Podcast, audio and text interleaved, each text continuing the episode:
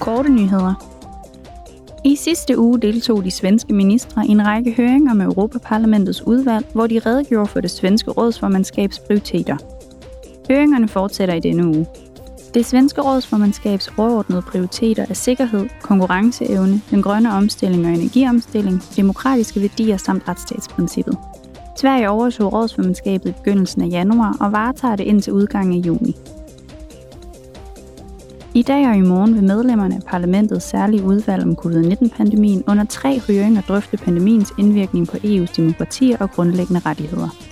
Udvalgsmedlemmerne vil også drøfte brugen af desinformation og misinformation under krisen. Lørdag var det den europæiske databeskyttelsesdag.